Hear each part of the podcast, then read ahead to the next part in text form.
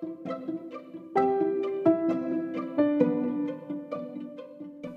datang di Basa Basi Literasi. Buat kalian yang suka buku tapi males baca, tenang aja, gue ceritain.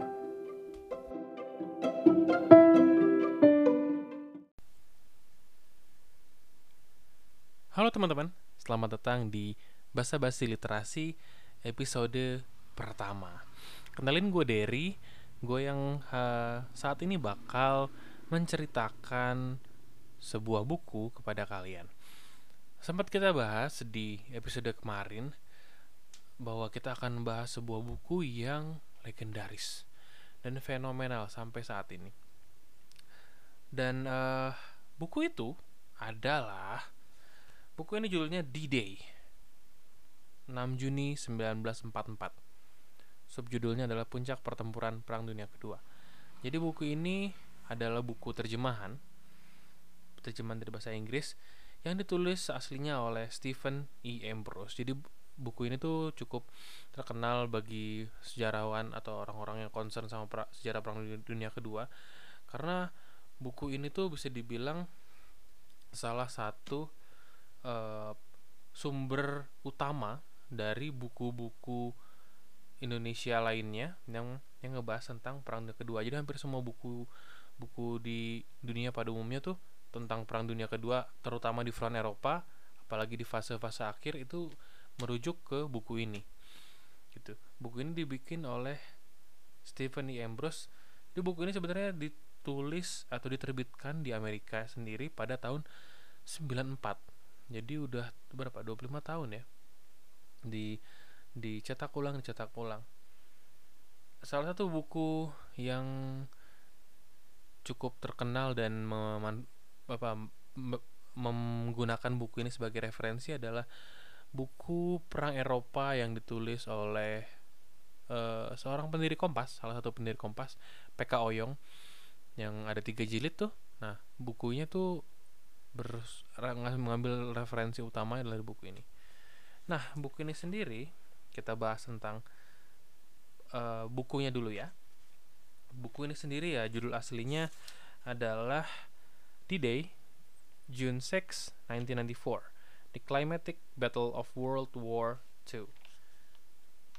Di cetak tahun 94 kemudian uh, di produksi di Indonesia ditranslate kemudian di didistribusikan oleh Yayasan Obor Indonesia pada tahun 2009.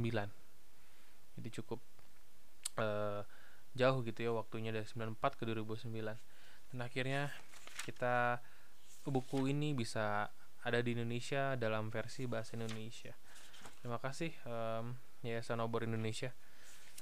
Nah, si buku ini sendiri karena menceritakan tentang uh, sebuah apa ya bisa dibilang pukulan telak pukulan telak terakhir dari pasukan sekutu kepada Nazi Jerman yang sangat menentukan akhir perang dunia kedua di front Eropa.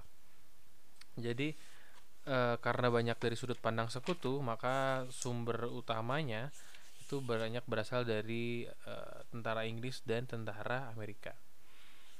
Jadi dari sisi Amerika, buku ini, oh sorry, sebelumnya ditul buku ini tulis oleh Stephen E. Ambrose. Jadi Stephen E. Ambrose itu adalah direktur dari Eisenhower Center pada saat buku ini ditulis ya. Dia adalah direktur dari Eisenhower Center Eisenhower Center itu adalah sebuah apa ya sebuah kelompok riset di University of New Orleans yang berfokus pada bagaimana sebetulnya dampak perang bagi uh, negara demokratis bagi bentuk-bentuk demokrasi atau uh, ya bentuk-bentuk demokrasi di negara-negara di negara yang plural dan uh, productive society gitu. Jadi berfokus pada dampak perang terhadap uh, kehidupan sosial gitu ya. Nah, saat itu buku ini ditulis dia adalah uh, direktur di situ. Nah, dari sisi uh, Amerika untuk cerita-cerita tentang uh, bagaimana situasi dan keadaan keadaan pasukan Amerika itu diperoleh dari seorang dokter bernama dokter Forrest Poch. Jadi dokter Forrest Poch ini sebetulnya adalah sersan juga. Jadi dia ini tentara juga tapi dia pemegang gelar PhD bidang sejarah. Jadi memang uh, ya baru ke sini sininya dia dapat gelar PhD. Jadi pada saat uh, si D-Day ini. Nanti kita bahas dulu lanjutnya D-Day itu apa.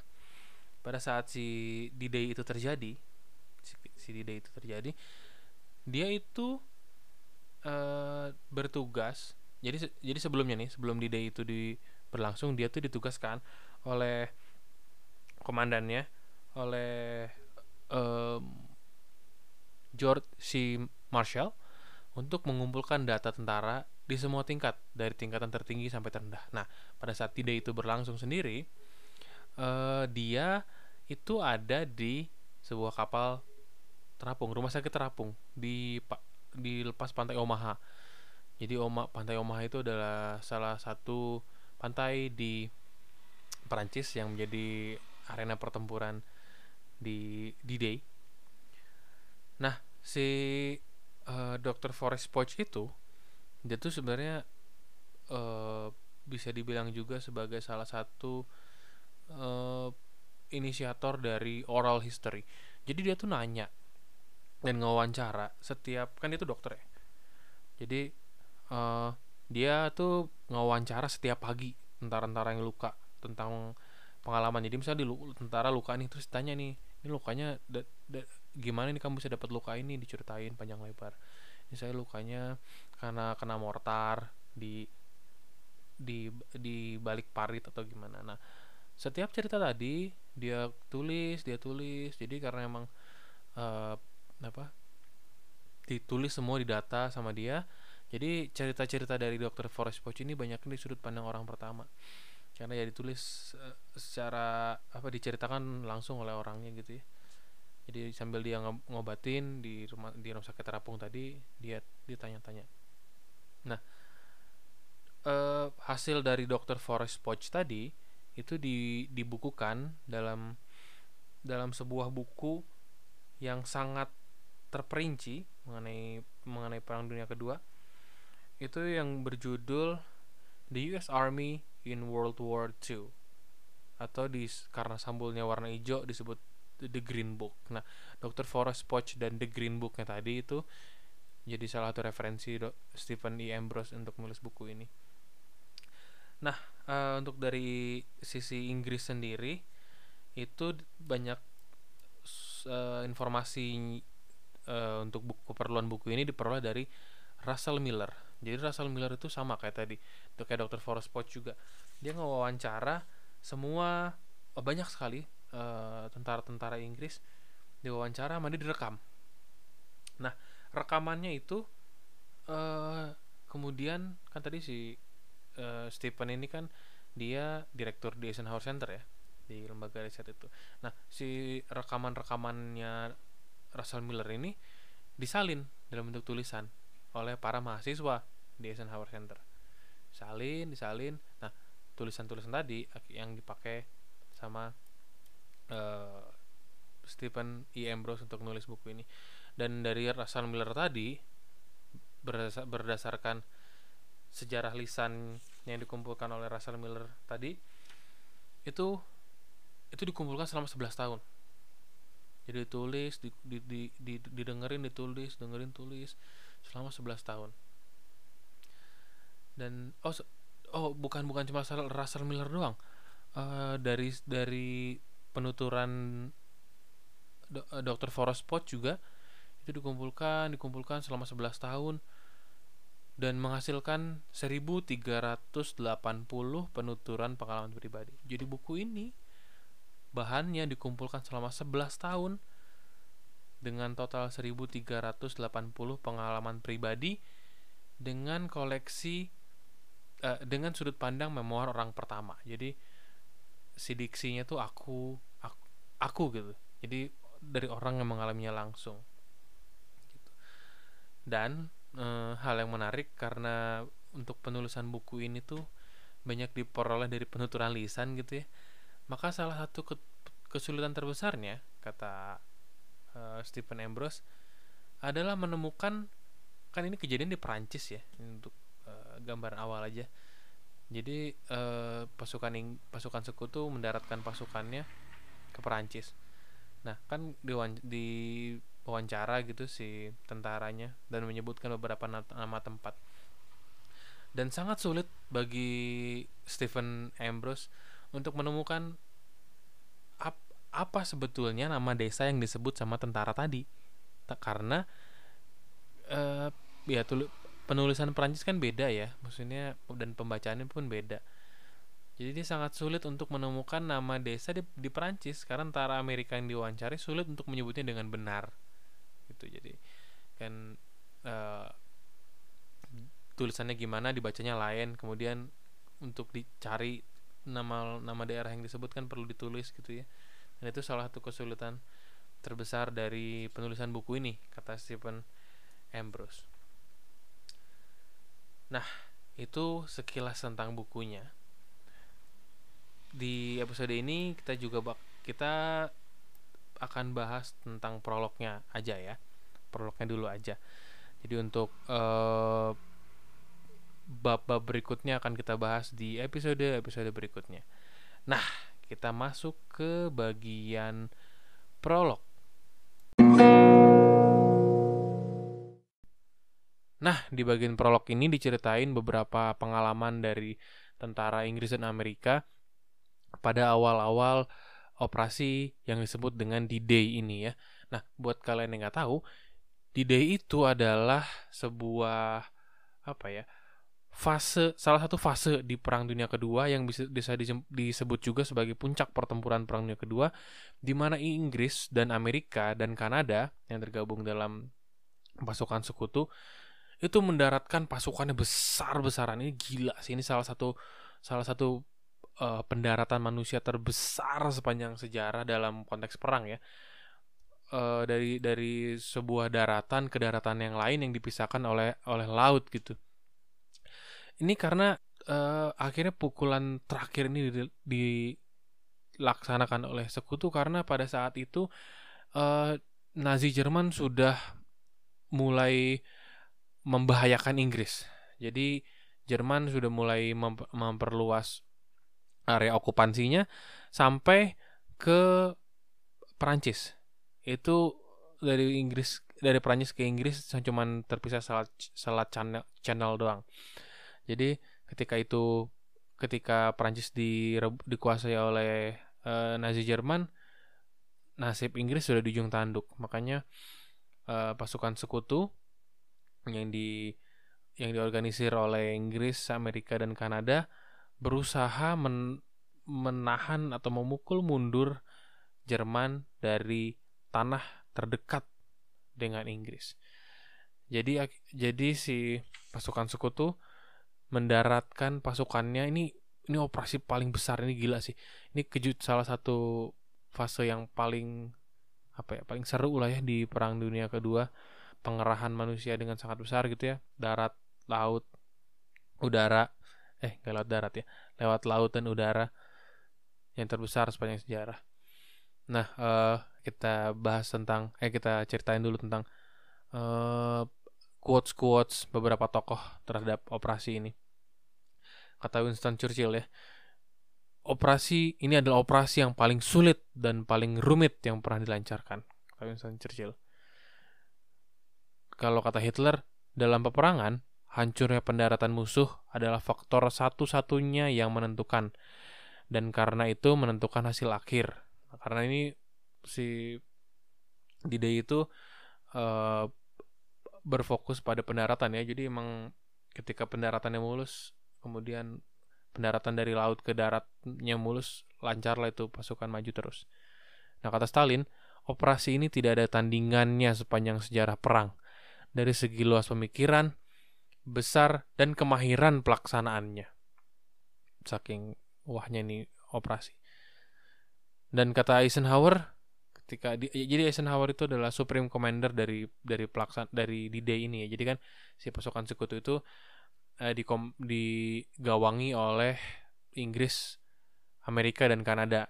dan mereka dari tiga negara itu punya satu supreme commander punya pimpinan utamanya itu adalah Dwight Eisenhower nah kata Eisenhower selamat jalan. Marilah kita berdoa semoga Tuhan yang Maha Esa memberkahi operasi yang besar dan luhur ini.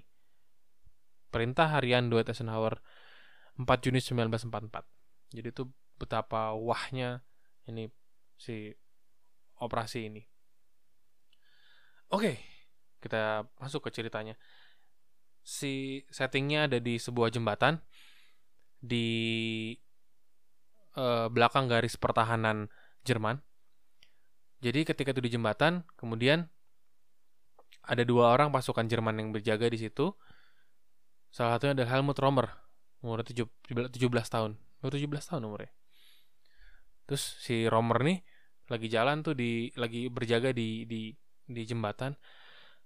Kemudian dia lihat dari dari ar, dari ujung jembatan ada pasukan ada segerombol orang yang lari berderap gitu ya lari berderap dan uh, seragamnya buka, dia tahu itu itu bukan seragam uh, Jerman. Jadi sontak Romer tuh uh, sadar gitu wah ini ada musuh nih. Kemudian dia lari balik ke posnya kan dia di jembatan tuh balik ke arah sisi berlawanan dari jembatan sambil teriak-teriak gitu. Uh, pasukan payung, pasukan payung sambil teriak-teriak itu pasukan payung, pasukan payung. Ketika dia teriak pasukan payung, pasukan payung itu dia di tiba-tiba dari arah pasukan tadi ditembak di uh, muncul meletuslah bunyi tembakan. Pada saat itu tembak ditembakkan 30 30 butir peluru sekaligus ke arah Helmut Romer dan teman-temannya dan satu orang temannya dan dia mat, dia tewas seketika di jembatan itu. Sebetulnya Helmut Romer agak keliru dengan neriak pasukan payung. Karena sebenarnya yang datang itu ada pasukan glider, pasukan yang datang pakai glider bukan pakai payung. Jadi glider itu kayak bentuknya kayak pesawat tapi nggak ada mesinnya dan dia ditarik sama uh, pesawat. Jadi kayak pesawat yang ditarik oleh pesawat tapi nggak ada mesinnya jadi ditarik kayak layangan gitulah. Jadi kayak ditarik nanti kemudian tapi dia bisa dikontrol.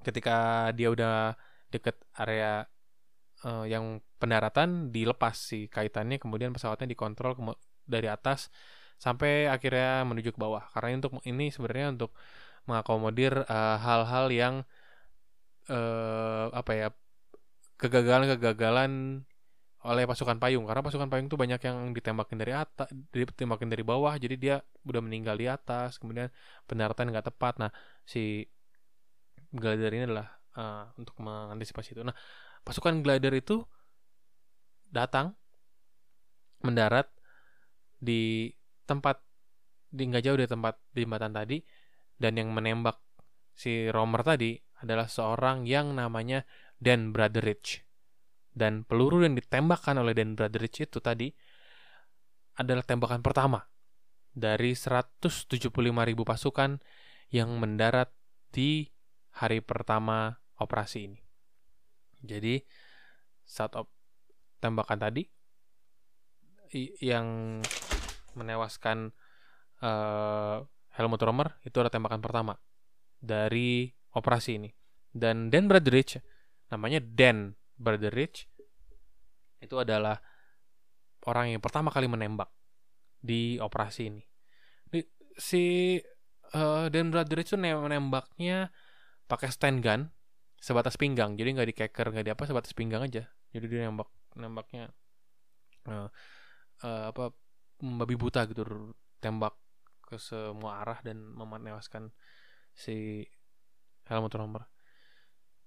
Dan uh, dan Brotherhood sendiri jadi ketika dan Brotherhood lari sambil nembak dia tuh ngelempar um, granat ke arah pile boxes yang ada di ujung-ujung jembatan. Jadi yang pile boxes kan biasanya suka ada mortar atau uh, apa uh, machine gun gitu.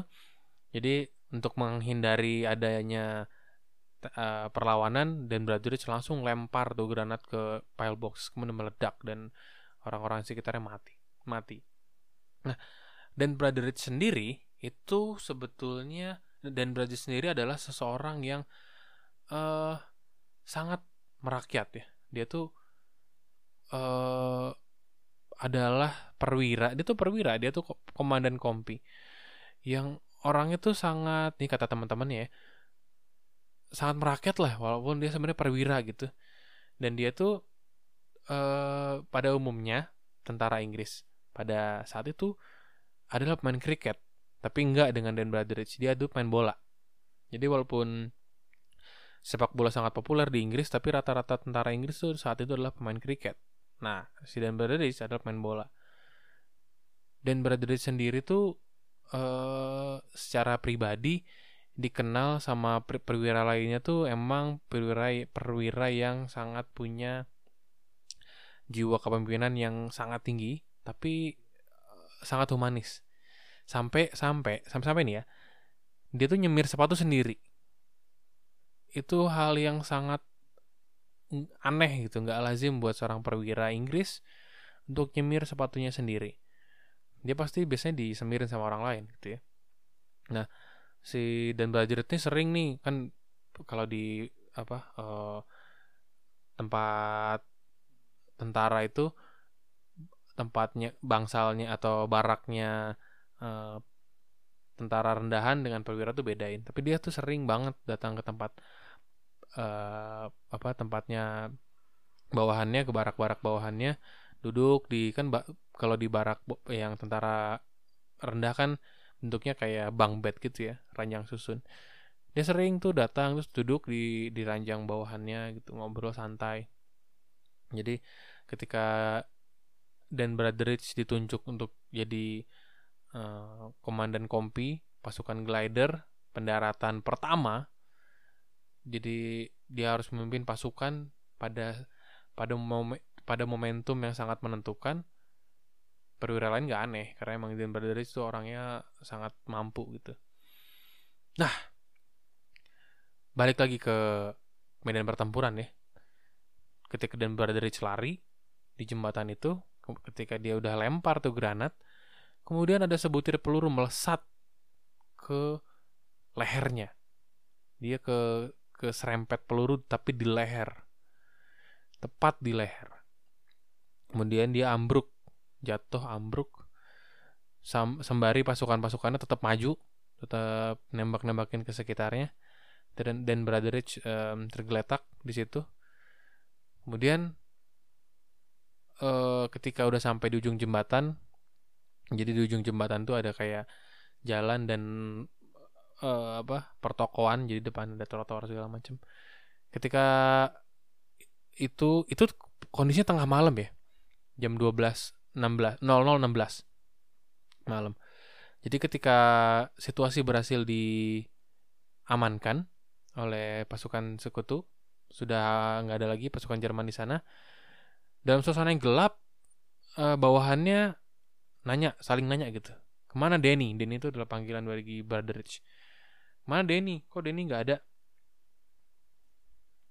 Dah kata akhirnya setelah saling nanya, setelah saling mencari akhirnya ditemukanlah dan Brotheridge tergeletak di sebuah hmm, nyender gitu di sebuah toko di, di trotoar di depan sebuah toko kemudian dia coba ditolong sama sama bau sama teman-temannya tapi ternyata dia nggak ketolong lagi dan Dan Brotheridge itu akhirnya menjadi serdadu sekutu pertama yang tewas pada operasi ini. Jadi dia yang pertama kali nembak dan dia juga yang pertama kali tewas.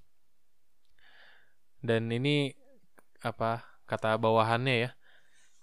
Eh apa ya kayak sia-sia banget gitu rasanya orang se sehebat Brother Rich, selangka Brother Rich yang sangat sangat humanis sangat rendah hati mau gaul sama bawahannya uh, harus mati secepat ini dalam sebuah operasi yang sangat sangat besar gitu ya dan persiapan perangnya itu dua tahun. Jadi kata kata kata bawahannya tuh ya lah ini apa cepat banget matinya nih persiapan persiapan perang perang ini aja dua tahun. Dan persiapan untuk operasi merebut jembatan tadi frak uh, yang yang yang baru saja kejadian itu itu mereka berlatih selama enam bulan. Untuk untuk uh, hal tadi. Nah, uh, itu dari itu di dari sisi Amerika ya. Dari sisi Amerika.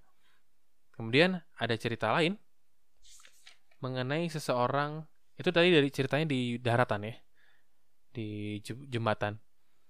Cerita lain eh dan dari masih dari tentara Amerika juga tapi sekarang settingnya di angkasa di pesawat jadi karena operasi di day, di day ini pengerahan pasukannya tuh gila-gilaan dari darat laut dan udara tapi pada fase awal itu dilaksanakan banyaknya dari udara pasukannya. E, kali ini bercerita tentang pasukan uh, penerjun payung dari Amerika, Kompi E, Resimen Infanteri Payung 508, Divisi Pasukan Lintas Udara Amerika Serikat ke-82.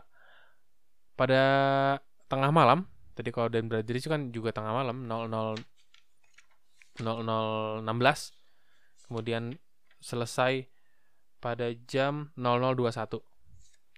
Itu cuman hanya butuh berapa? 5 menit 5 menit saja untuk merebut sebuah jembatan tapi ya sayangnya ada korban.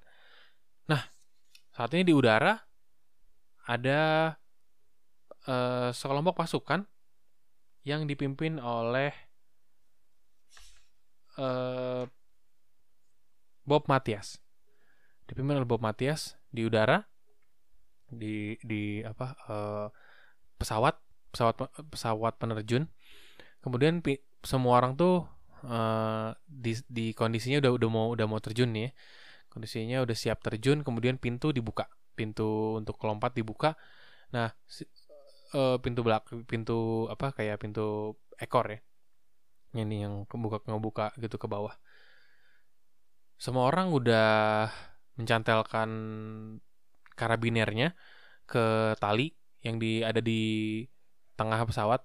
Jadi melintang dari depan ke belakang. Dicantelin ke karabiner karabiner cantelin tali itu. Kemudian satu-satu kan lompat nih. Kayak suka ada suka ada tuh di iklan rokok tuh ya yang lompat yang terjun dari dari ketinggian dari pesawat. Nah kan itu dicantelin dulu tuh biar eh barisnya rapih gitu dan dan dan lompatnya juga eh, bisa teratur gitu. Cantelin kemudian pintunya udah buka Bob Matias itu sebagai komandannya di paling depan kata Bob Matias uh, Bob Matias sudah nyuruh anak pasukannya untuk siapkan semuanya. Kemudian ketika pintu dibuka ternyata dari bawah udah terdeteksi ada pesawat musuh yang mau menerjunkan pasukan.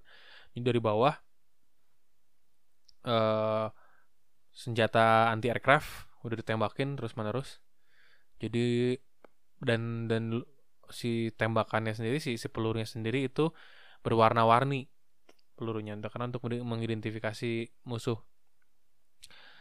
jadi kata salah satu tentara tuh tentara Amerika ini jadi kayak perayaan 4 Juli yang kecepatan gitu perayaan kemerdekaan yang kecepatan karena uh, si pelurunya tuh kan peluru pelacak yang di yang dipakai yang dan warna-warni, warna biru, warna merah, jadi kayak bendera Amerika. Nah, ketika Bob Matias mau lompat dengan segenap keyakinan, ketika dia mau lompat kan sebagai ini kan sebagai komandan, uh, tiba-tiba sebuah peluru meledak di tepat di depan mukanya. Jadi di ekor pesawat meledak tuh pelurunya dan uh, melukai dirinya jadi uh, sambil ditembakin dari bawah, kemudian meledak di depan mukanya.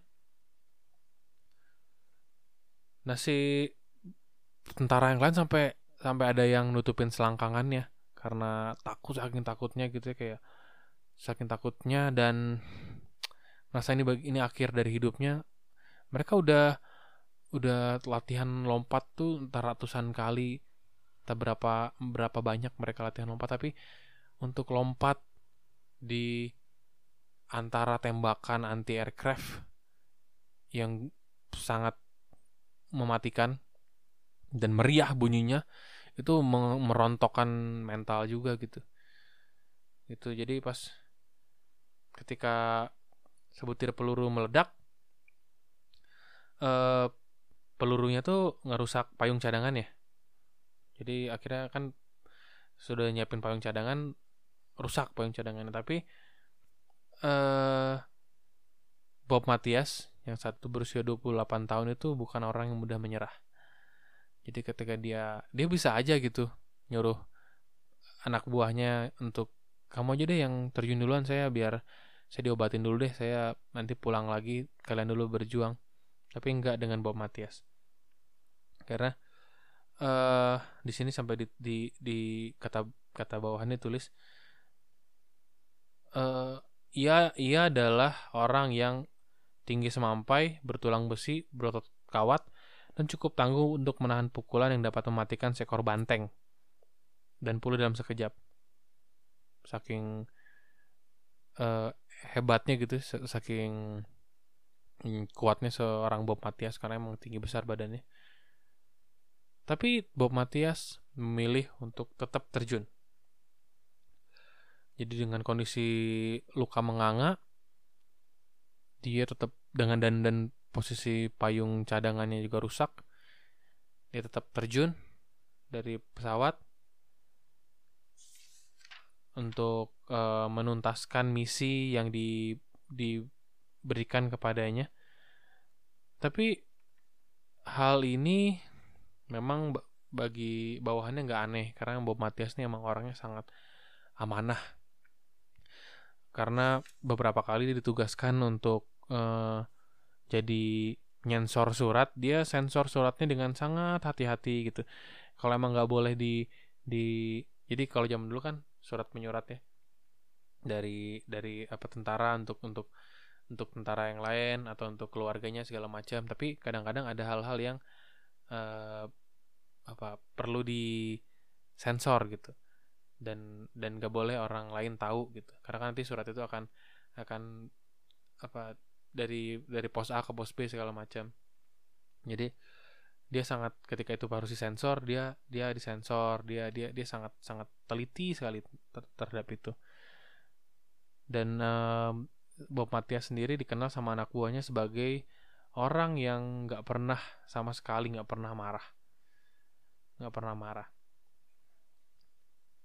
dan ya saat itu Bob Matias uh, lompat dari uh, pesawat. Kemudian ternyata setelah sampai di di daratan eh, setelah sampai di bawah pasukan juga udah turun pertempuran terjadi dan seorang menemukan Bob Matias setelah tewas. Entah tewas karena kehabisan darah selama di udara atau jatuhnya yang salah atau dia jatuh uh, dia mendarat kemudian ditembaki musuh. Pokoknya dia ditemukan setengah jam kemudian atau lebih masih mengenakan payungnya kondisinya tewas dan Bob Matias adalah perwira Amerika pertama yang tewas karena tembakan senjata Jerman. Jadi kalau tadi uh, dan Brother Rich yang dari Inggris tadi uh, adalah pasukan sekutu pertama yang tewas dan uh, kalau si Bob Matias ini adalah uh, tentara Amerika pertama yang tewas dalam operasi ini. Jadi uh, itu tadi beberapa cerita tentang yang terjadi pada awal-awal uh, D-Day. Jadi sebenarnya secara resmi operasi ini namanya Operation Overlord. Operasi invasi in, operasi yang bertujuan untuk menginvasi Prancis dan membebaskannya dari pendudukan Jerman. Jadi dalam satu malam tadi aja, tadi tadi tadi dua kejadian itu ada di satu hari ya, atau malam. Dalam satu malam aja ada 175 ribu prajurit dan peralatan beserta peralatan lengkap ya yang didaratkan. 175 ribu prajurit 50 ribu kendaraan berbagai jenis motor, tank, uh, bulldozer dan 50 ribu kendaraan tadi diangkut lewat laut. Bayangkan 50 ribu kendaraan militer diangkut lewat laut. Perairan terbuka yang sangat rentan sekali diserang dan di dari laut dan udara tadi membawa 175.000 pasukan dengan perlengkapan full full package itu ya. Semuanya di semuanya dibawa gitu dengan peralatan peralatan peralatannya. Kemudian si apa si peralatan-peralatan tadi dibawa dari lewat laut yang kendaraan-kendaraan tadi bawa lewat laut uh, perairan terbuka tuh 100 mil loh. Lumayan jauh. Bukan jarak yang pendek artinya perjalanannya lumayan. Lumayan panjang lumayan banyak waktu yang bisa membuat mereka mati gitu ya. Karena kalau nggak langsung nyampe gitu Inggris ke Perancis walaupun cuma terpisah selat doang tapi uh, memakan waktu dan didukung oleh 5.333 kapal dan 11.000 pesawat terbang. Bayangin. Bayang gak tuh? Ada 5.300 kapal laut. Jadi di laut nih ada 5.000 kapal dalam satu malam doang. Dan dari langit ada 11.000 pesawat tempur dan pesawat uh, pembawa pasukan payung ya. Gila gitu jadi sampai ada ada uh, saksi mata yang yang menyebutkan langit itu mendadak hilang bintang-bintang tuh nggak kelihatan bintang-bintang. Kan ini pendaratannya malam hari ya. Bintang-bintang tuh nggak kelihatan saking penuhnya langit sama pesawat. Gila sih itu banyak banget men. Sebelas ribu. Nah eh walaupun tadi pasukannya itu mengerahkan begitu banyak sumber sumber daya gitu ya. Sumber daya tadi itu juga uh, walaupun gak lepas dari produksi massal produksi yang gila-gilaan di di tahun 9 tahun 43 sampai 44 uh, eh, mengenai tank segala macam infrastruktur infrastruktur perang. Memang gila-gilaan mereka lagi waktu itu bangunnya. Jadi mereka bisa punya banyak banyak uh, banyak sekali peralatan dan amunisi untuk perang. Tapi di sisi lain perang ini sendiri ditentukan oleh bukan utamanya bukan ditentukan oleh uh, peralatan-peralatan tadi. Tapi ditentukan oleh sejumlah kecil perwira-perwira muda perwira-perwira sukarela prajurit prajurit-prajurit infanteri atau klasi-klasi di, di angkatan laut dan pilot-pilot uh, pesawat tempur yang harus punya keberanian yang luar biasa. Luar biasa. Kalau saja pasukan-pasukan tadi begitu mendarat langsung ngumpet di parit, ngumpet ya udah nggak nggak mau nggak mau perang atau misalkan si apa namanya nakoda nakoda kapal itu karena terlalu takut untuk maju terlalu dalam mendekat pan ke pantai karena tembakan dari bibir pantai gila-gilaan. Udah stop aja di situ biar si pasukannya berenang aja gitu dari dari laut ke pantai. Saya karena dia takut gitu nah kodanya atau misalkan karena infanterinya nggak berani manjat-manjat uh, tanggul manjat-manjat tembok. Hanya berani di di parit-parit itu aja ngumpet aja gitu. Pasti gagal men.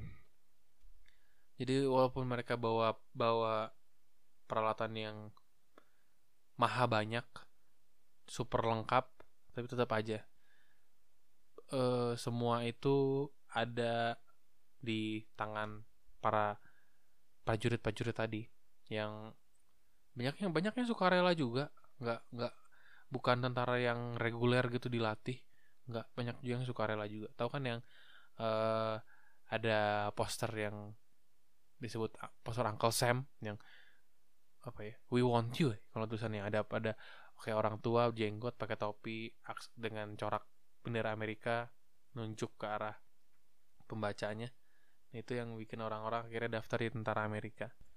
Nah sebetulnya sebelum akhirnya Amerika memutuskan untuk ikut bertempur pada Perang Dunia Kedua uh, yang awalnya mereka bertempur hanya di front Pasifik kemudian mereka akhirnya ikut bertempur di front Eropa uh, keterlibatan mereka dan keberhasilan uh, misi-misi mereka sampai pada akhirnya Operation Overlord ini atau D-Day ini sebenarnya banyak diragukan banyak orang uh, terutama apalagi dari orang Amerika sendiri gitu ya yang paling banyak meragukan karena tentara-tentara ini pasukan-pasukan ini adalah pemuda-pemuda yang lahir dan besar di era-era yang fluktuatif. Mereka rata-rata lahir pada tahun 20-an. Pada masa ketika ekonomi Amerika tuh mendadak bagus sekali, mendadak luar biasa, semua orang hidup mewah, semua orang hidup kaya. Tapi ternyata pada tahun 30-an semua itu kayak gelembung yang pecah gitu. Tiba-tiba ekonomi Amerika mengalami depresi atau yang disebut dengan uh, krisis Malaysia. Malaysia atau apa ya nyebutnya gitu deh.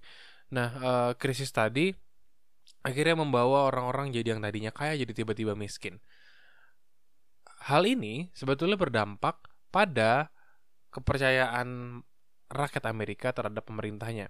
Mereka merasa pemerintah itu kerjanya nggak benar gitu ya, dan menyalahkan pemerintah bahwa gara-gara pemerintah nggak benar ngurus negara, akhirnya mereka jadi uh, miskin gitu, tiba-tiba miskin.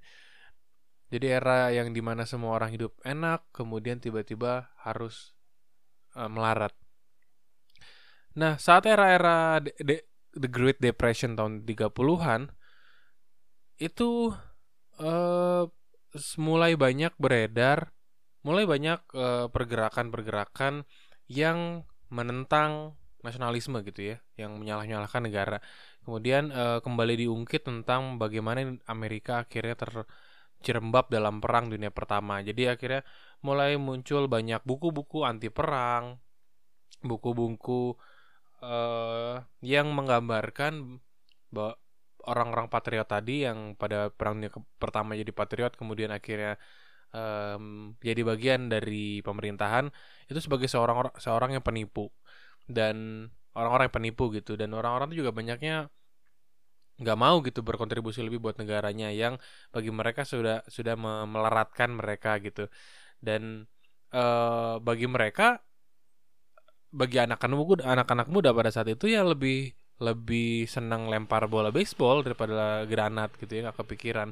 Apalagi uh, kondisinya mereka sedang merangkak gitu ya, tahun 30-an melarat kemudian tahun 40 42 dan seterusnya ketika perang dunia kedua dimulai mulai merangkak gitu mulai mencoba mulai semuanya dari bawah kan nggak mau nyobain hal-hal yang uh, beresiko terlalu beresiko buat negara mereka gitu ya. Karena mau tidak mau um, peperangan itu selalu mempengaruhi ekonomi. Uh, ekosistem ekonomi itu sangat uh, bergantung sekali pada kondisi politik dan kalau konteksnya tahun sekian tahun pas eh, perang dunia kedua ya militer peperangan.